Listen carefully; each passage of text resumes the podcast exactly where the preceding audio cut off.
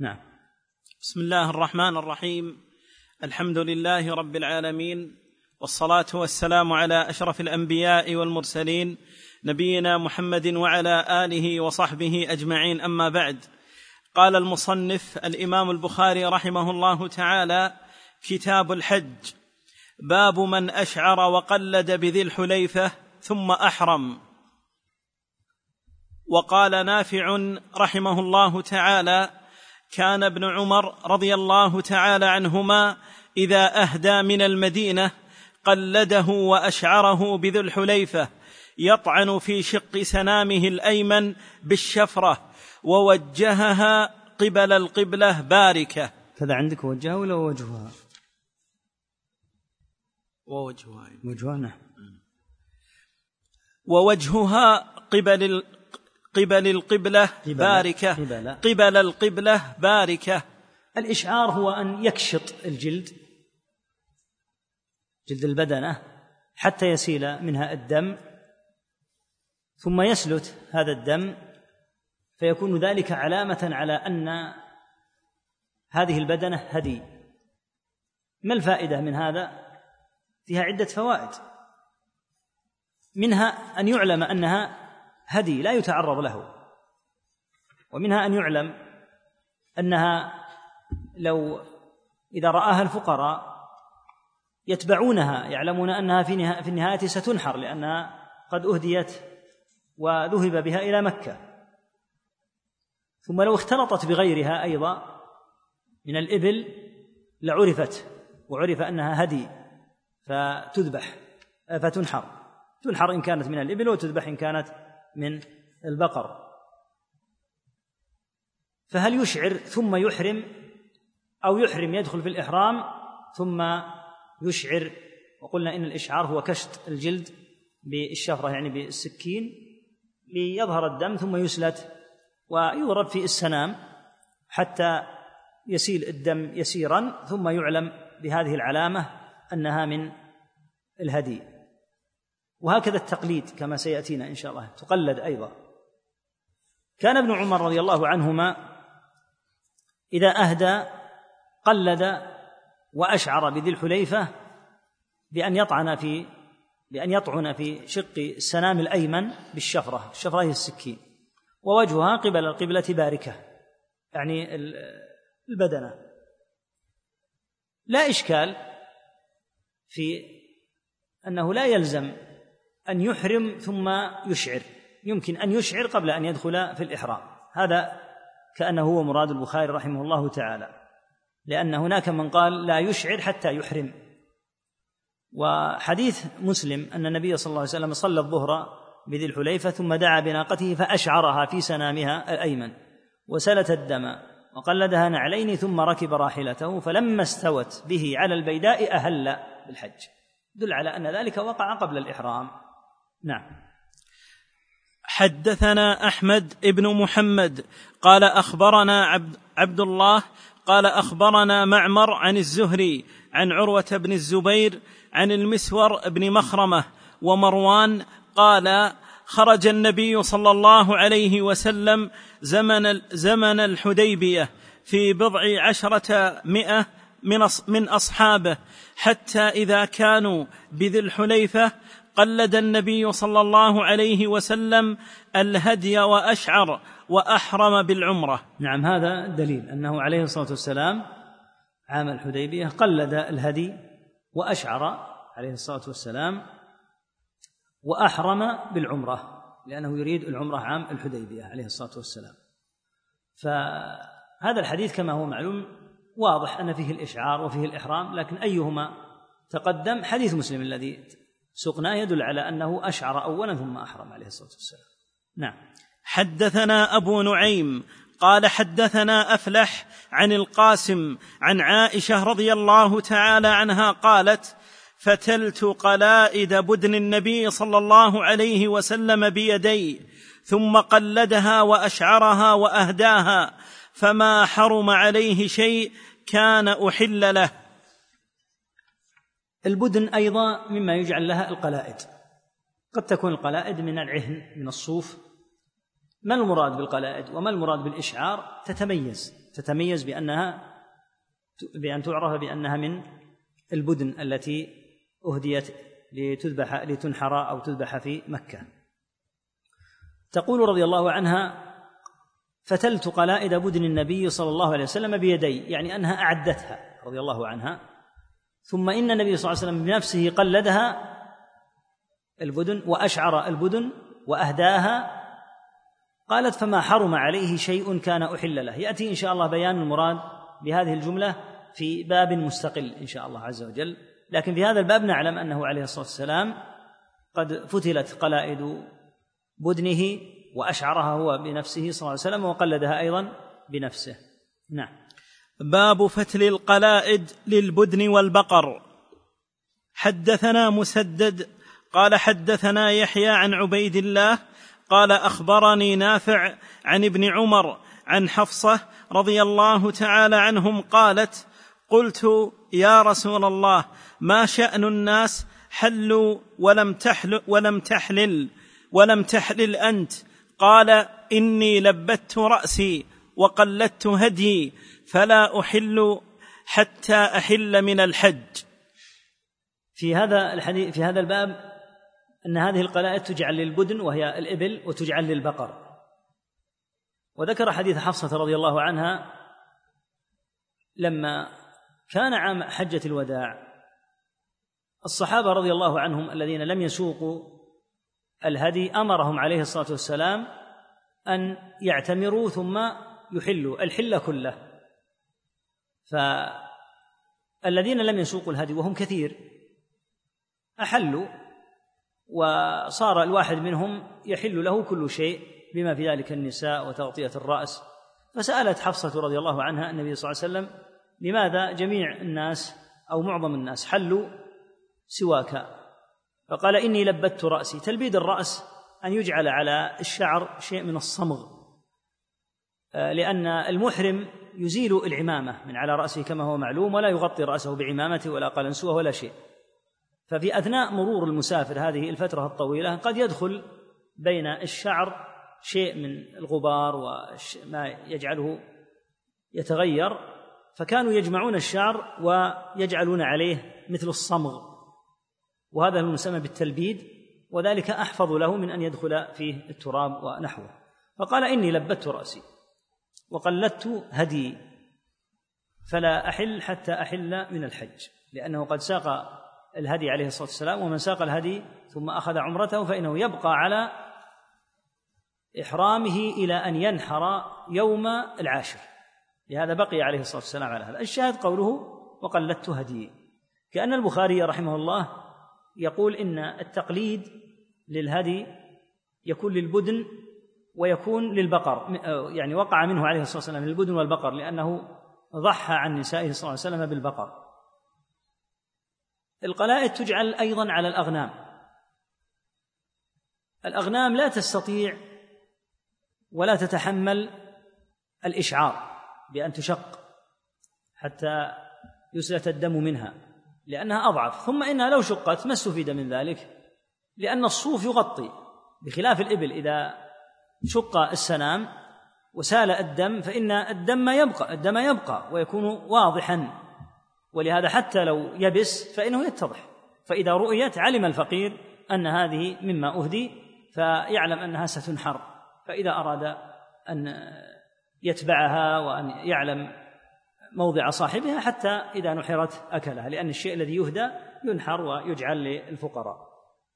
فالشاهد منه أن البخاري أخذ منه أن القلائد تكون للبدن والبقر ويأتينا إن شاء الله أنها تكون أيضا للغنم. نعم. حدثنا عبد الله بن يوسف قال حدثنا الليث قال حدثنا ابن شهاب عن عروة وعن عمرة بنت عبد الرحمن أن عائشة رضي الله تعالى عنها قالت كان رسول الله صلى الله عليه وسلم يهدي من المدينة فأفتل قلائد هديه ثم لا يجتنب شيئا مما يجتنبه المحرم. الهدي إما أن يساق مع الحاج. في هذه الحالة كما تقدم يجتنب الحاج. يبقى الحاج على إحرامه إلى أن ينحر هديه. هذا هو النوع الأول أن يسوق هديه معه في حال حجه. النوع الثاني أن يرسل وهو في بلده أن يرسل هديا ويقيم في نفس بلده. كأن ترسل الآن أنت هديا لينحر في مكة وتبقى أنت في الرياض. ماذا يكون حكمك؟ هل يكون حكمك حكم المحرم حتى ينحر الهدي بأن تمتنع من وطئ زوجتك وتبقى على أمر الإحرام تجتنب جميع المحظورات حتى يصل الهدي إلى مكة ثم ينحر في مكة. من أهل العلم من قال بهذا ولكن القول الصحيح والذي عليه الجمهور والذي عمل به المسلمون معظم يعني معظم أهل العلم أن حالة من أهدى وهو في بلده غير حالة من ساق الهدي معه وهو متلبس بالإحرام. فالذي يسوق الهدي وهو في بلده لا يلزمه بتاتا أي شيء من أمور المحرم. له أن يطأ امرأته وليس ثمة شيء من المحظورات عليه بتاتا يغطي رأسه آه، له أن يباشر جميع الأمور التي يباشرها وهو حلال. قد قال بعض السلف بأن من ساق الهدي فإنه يبقى ومن أشهرهم ابن عباس رضي الله عنهما. فإنه رأى أن كما سيأتينا في الحديث رأى أن من ساق الهدي فإن حكمه يكون حكم المحرم وإن بقي في بلده. حتى بينت عائشة رضي الله تعالى عنها ذلك من هدي النبي صلى الله عليه وسلم فقالت كان رسول الله صلى الله عليه وسلم يهدي من المدينة فأفتل قلائد هديه. توضيحا لكونها تعلم وتضبط ذلك وأن لها دخلا في الهدي لأنها فتلت بنفسها قلائد الهدي وأعدتها وهيأتها ثم لا يجتنب شيئا مما يجتنبه المحرم. فدل على الفرق بين حال من يسوق الهدي وهو متلبس بالإحرام وبين من يهدي وهو في بلده. فالذي يجتنب ما يجتنبه المحرم هو الذي دخل في النسك. أما من أهدى هديا مجردا دون أن يدخل في النسك فإنه لا يمتنع بتاتا عن أي شيء من مما يمتنع منه المحرم. ولهذا جاء في كلام الزهري قال أول من كشف العمى عن الناس عائشة رضي الله عنها في هذا. لماذا؟ لأن بعض السلف كان يفتي بأن الذي يسوق الهدي يقول إذا سقت الهدي فإن سوقك الهدي كما قال تعالى حتى يبلغ الهدي محلة. لم يبلغ الهدي محلة بعد هو في الطريق الآن. أنت مثلا في المدينة يحتاج مثلا إلى كذا وكذا من الأيام حتى يصل. فإنه قد يتعد مع من ساق الهدي بأن يقول إذا كان اليوم الفلاني عادة نصل فننحر الهدي فيستمر الواحد منهم في حال من الإحرام. ولهذا رؤي بعضهم مثلا في البصرة كابن عباس رضي الله عنهما رؤي قد تجرد يعني من المخيط ولبس ما يلبس المحرم وكان يخطب وهو على البصرة أمير يخطب على هذا الحال لأنه يرى أنه يجتنب ما يجتنبه المحرم. والصحيح هدي رسول الله صلى الله عليه وسلم كما بينت عائشة أن من يسوق الهدي من بلده ويبقى في بلده غير متلبس بالنسك فإنه لا يجتنب شيئا مما يجتنبه المحرم. ومعنى ذلك أنه صلى الله عليه وسلم كان يطأ نساءه وهو في المدينة وقد ساق الهدي وأنه عليه الصلاة والسلام كان يغطي رأسه وأنه لم يجتنب بتاتا أي من المحظورات. فإذا وجدت فتوى من بعض الصحابة رضي الله عنهم أو التابعين أو غيرهم من من يأتي بعدهم من أهل العلم ثم وجد حديث عن النبي صلى الله عليه وسلم على خلاف هذه الفتوى فإن الناس يتركون الفتوى تلك لأن صاحبها اجتهد رضي الله عنه ورحمه اجتهد وأراد الخير لكن ليس مع قول النبي صلى الله عليه وسلم قول لأحد كائنا من كان.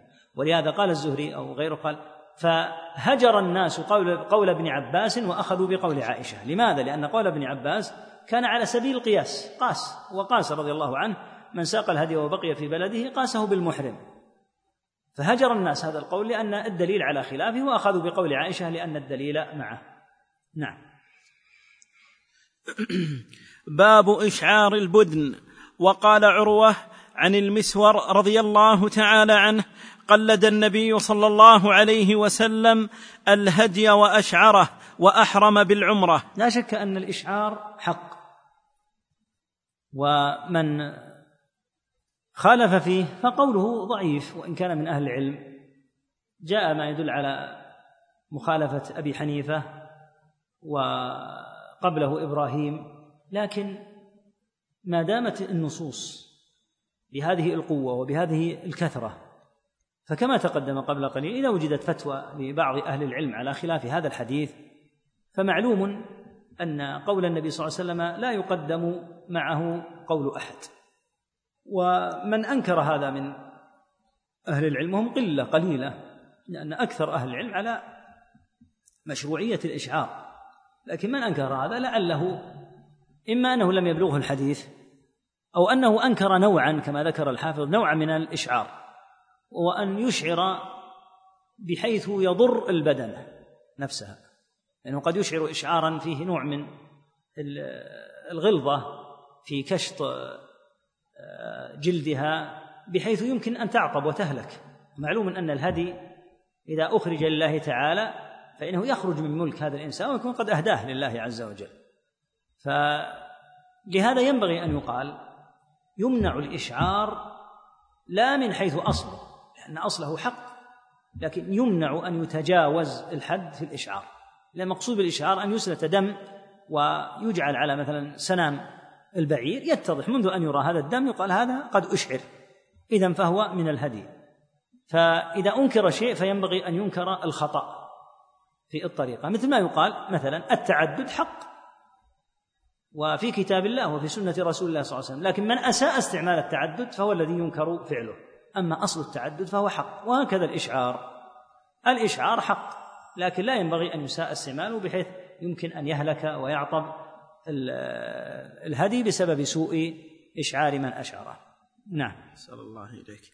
حدثنا عبد الله ابن مسلمة قال حدثنا أفلح ابن حميد عن القاسم عن عائشة رضي الله تعالى عنها قالت فتلت قلائد هدي النبي صلى الله عليه وسلم ثم أشعرها وقلدها أو قلدتها ثم بعث بها إلى البيت وأقام بالمدينة فما حرم عليه شيء كان له حل. نعم. تقدم. نعم.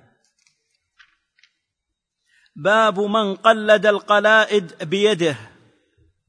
حدثنا عبد الله بن يوسف قال أخبرنا مالك عن عبد الله بن أبي بكر بن عمرو بن حزم عن عمرة بنت عبد الرحمن أنها أخبرته أن زياد ابن أبي سفيان كتب إلى عائشة رضي الله تعالى عنها إن إن عبد الله بن عباس رضي الله تعالى عنهما قال من أهدى هديا حرم عليه ما يحرم على الحاج حتى ينحر هديه.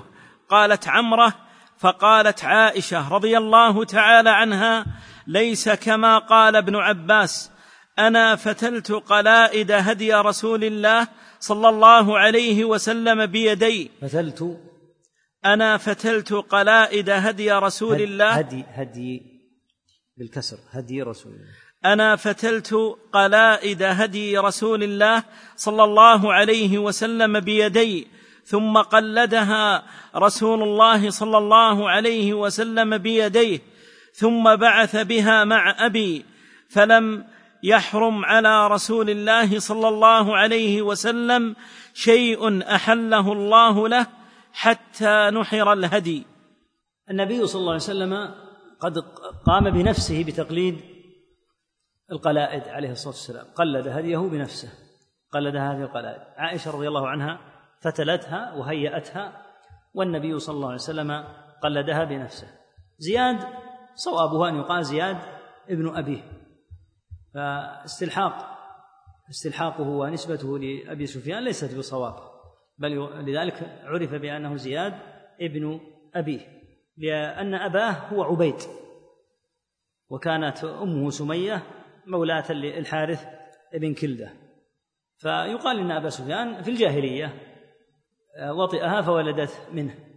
لكن النبي صلى الله عليه وسلم يقول الولد للفراش فلا يلحق بمن زنى وفعل أبي سفيان هذا رضي الله عنه كان في الجاهلية فلا يعير به أبو سفيان. أبو سفيان رضي الله عنه فعل هذا قبل أن يسلم. والإنسان قبل أن يسلم إذا زنى أو شرب خمرا أو فعل أي قبيح وأشده الشرك فإنه لا يعير به. هذا أمر مضى في الجاهلية فصوابه ألا ينسب أبي سفيان بل ينسب كما هو معروف في اسم زياد بن أبيه. صوابها ينسب إلى أبيه لا إلى أبي سفيان. هذا كان أميرا شديدا جدا وكان له مهابة وكان أميرا على البصرة والكوفة جميعا. فكتب إلى عائشة رضي الله عنها يستفتيها لأن ابن عباس رضي الله عنهما كان يفتي بأن من أهدى هديا يعني وهو في بلده حرم عليه ما يحرم على الحاج حتى ينحر الهدي. فقالت ليس كما قال ابن عباس وفي هذا دلالة على صحة إنكار العلماء بعضهم على بعض وأن هذا لا بأس به. لكن لاحظ عبارة عائشة بأدب. ما قالت فيه وفيه وفعل الله به وفعل ابدا. قالت ليس كما قال يعني أنه أخطأ في هذا. أنا فتلت قلائد هدي رسول الله صلى الله عليه وسلم بيدي ثم قلدها وهذا الشاهد أن النبي صلى الله عليه وسلم قلدها بيديه. ثم بعث بها مع أبي فلم يحرم على رسول الله صلى الله عليه وسلم شيء أحله الله حتى نحر الهدي. نعم. أحسن الله إليك. باب تقليد الغنم. حدثنا أبو نعيم قال حدثنا الأعمش عن إبراهيم عن الأسود عن عائشة رضي الله تعالى عنها قالت أهدى النبي صلى الله عليه وسلم مرة غنما. نعم هذا الباب مهم. من أهل العلم من أنكر تقليد الغنم بل قالت الحنفية إن الغنم لا تعد من الهدي فهذا الحديث حجة. في أن الغنم من الهدي وعلى أن القول بأنها ليست من الهدي قول ضعيف لمخالفته النص.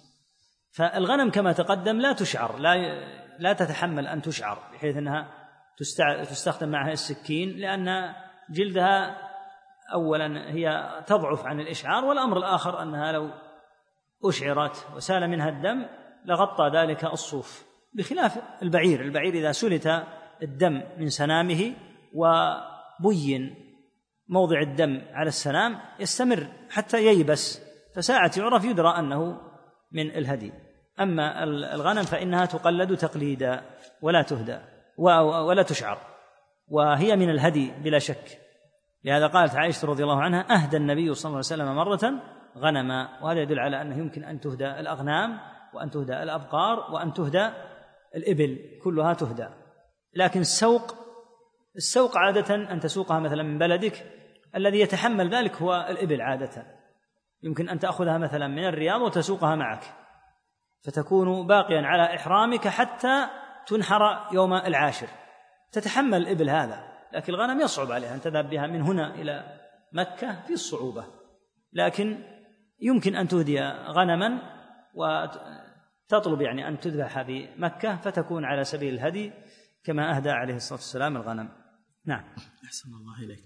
حدثنا أبو النعمان قال حدثنا عبد الواحد قال حدثنا الأعمش قال حدثنا إبراهيم عن الأسود عن عائشة رضي الله تعالى عنها قالت كنت كنت أفتل القلائد للنبي صلى الله عليه وسلم فيقلد الغنم ويقيم في أهله حلالا. كما تقدم. لكن هنا قولها افتل القلائد فيقلد الغنم ويقيم.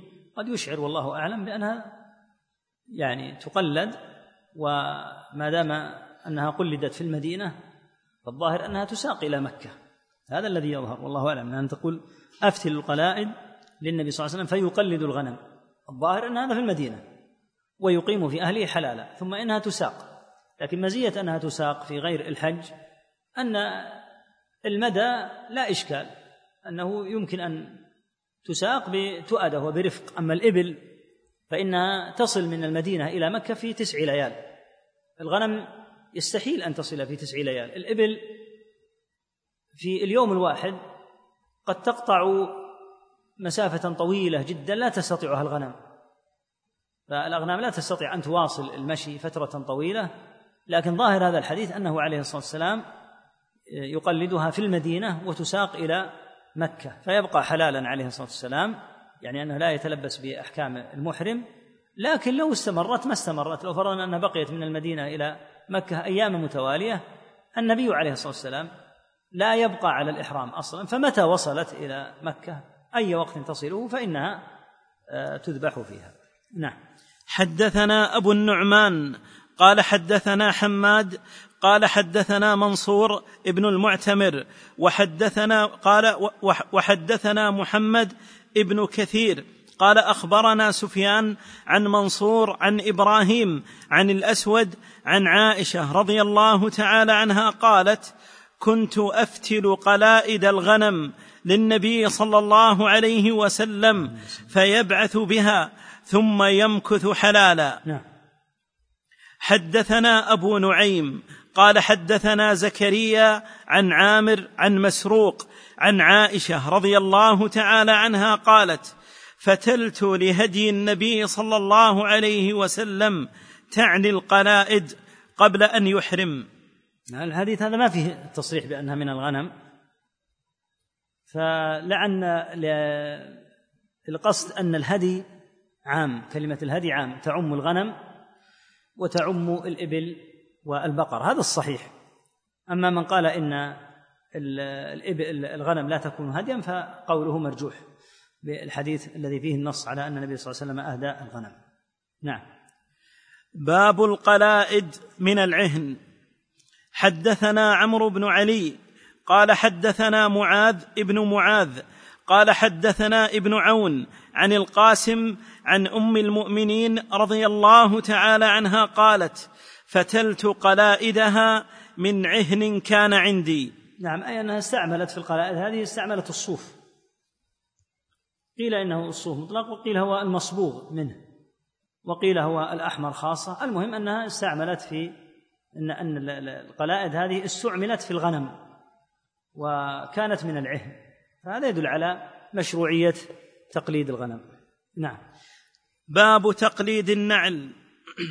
حدثنا محمد قال أخبرنا عبد الأعلى ابن عبد الأعلى عن معمر عن يحيى ابن أبي كثير عن عكرمة عن أبي هريرة رضي الله تعالى عنه أن نبي الله أن نبي الله صلى الله عليه وسلم رأى رجلا يسوق بدنة قال اركبها. قال إنها بدنة. قال اركبها. قال فلقد رأيته راكبها يساير النبي صلى الله عليه وسلم والنعل في عنقها. تابعه محمد بن بشار. حدثنا عثمان بن عمر. قال أخبرنا نعم تقليد النعل أيضا هذه علامة. من العلامات يمكن أن تقلد كما تقدم من العهن. وأيضا تقلد النعل. في الحديث الذي مر بنا أن النبي صلى الله عليه وسلم قال له اركبها ويلك الرجل هذا قد قلدها نعلا. ما المقصود بتقليدها النعل؟ علامة أيضا علامة على أنها هدي فيضعون جملة من العلامات منها الإشعار كما تقدم ويأتينا إن شاء الله أيضا أنها يجعل عليها الجلال وتجعل عليها أيضا النعل وتقلد القلائد. هذه كلها بيان لكونها هديا. فسواء كانت النعل واحدة أو كانت اثنتين لأن من أهل العلم قال لا بد من أن تكون نعلان اثنتان. وقال آخرون تجزئ واحدة. بل قال آخرون لا تتعين النعل بل كل ما قام مقامها أجزأ حتى أذن الإداوة قالوا. يعني المقصود أن يبين أنها هدي. إذا رؤيت فإنها هدي. إذا اختلطت بغيرها من أجناسها يمكن الوصول إليها لأنها قد قلدت النعل. وهكذا لو اختلطت الإبل وقد أشعرت يمكن أن تعرف لأنها قد أشعرت من بين بقية الإبل. وهكذا المقصود هو هذا. نعم. حدثنا عثمان بن عمر قال أخبرنا علي بن المبارك عن يحيى عن عكرمة عن أبي هريرة رضي الله تعالى عنه عن النبي صلى الله عليه وسلم. بارك الله فيك.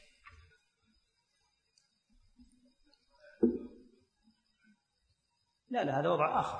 هذه تلك التي توضع كانوا يريدون اتقاء العين وغيرها. هذا يجعلونها علامة على أنه هدي. إذا رآها الفقير علم أنها ستنحر. الشيخ أحسن الله إليك. هذه الأبواب التي قرأناها اليوم هل يقال أنها من السنن المهجورة في هذا الزمان؟ للأسف مهجورة. هي مهجورة كلها للأسف. هي مهجورة. لكن قل من يهدي أصلا. الآن قل من يسوق الهدي. يعني قديما كانوا يركبون الإبل ويسوقونها معهم. لكن الآن يقول يصعب علي أني يعني أمضي مثلا في السيارة وأجعلها معي. فيقول لا إشكال يمكن أن تساق لغيرك يمكن يعني أن يتعد مع صاحب سيارة مما يحمل هذه يعني هذه الإبل مثلا يمكن يحملها معه تصل بنفس في نفس وقت وصول هذا فهي من السنن. وكذلك الحال بالنسبة للإهداء والإنسان في بلده بأن يهدي بحيث ينحر الشيء في مكة ويأكله فقراء الحرم هذا يعني قليل قليل جدا بل لا يكاد يعني يعرف. أحسن الله إليك. نعم. نعم. إي نعم الآن. يمكن أن تهدي الآن. لذلك جاءت الأحاديث بأنه يبقى حلالا. لأن يمكن أن يهدي الآن مثلا ويبقى في بلده في عمله وفي وظيفته وفي دراسته. هل يلزمه أن يلتزم ما يلتزمه المحرم هذا المقصود. أو الصواب أنه إذا أهداها وبقي في بلده أن حكمه حكم الحلال حكم حكم الحلال كما تقدم لا لا ليس. مسألة أخرى الهدي نوعان كما تقدم. هدي يكون أثناء النسك. هذا هو الذي يمتنع صاحبه عن التحلل حتى ينحره في اليوم العاشر. والنوع الثاني الهدي المطلق هذا في غير النسك. نعم.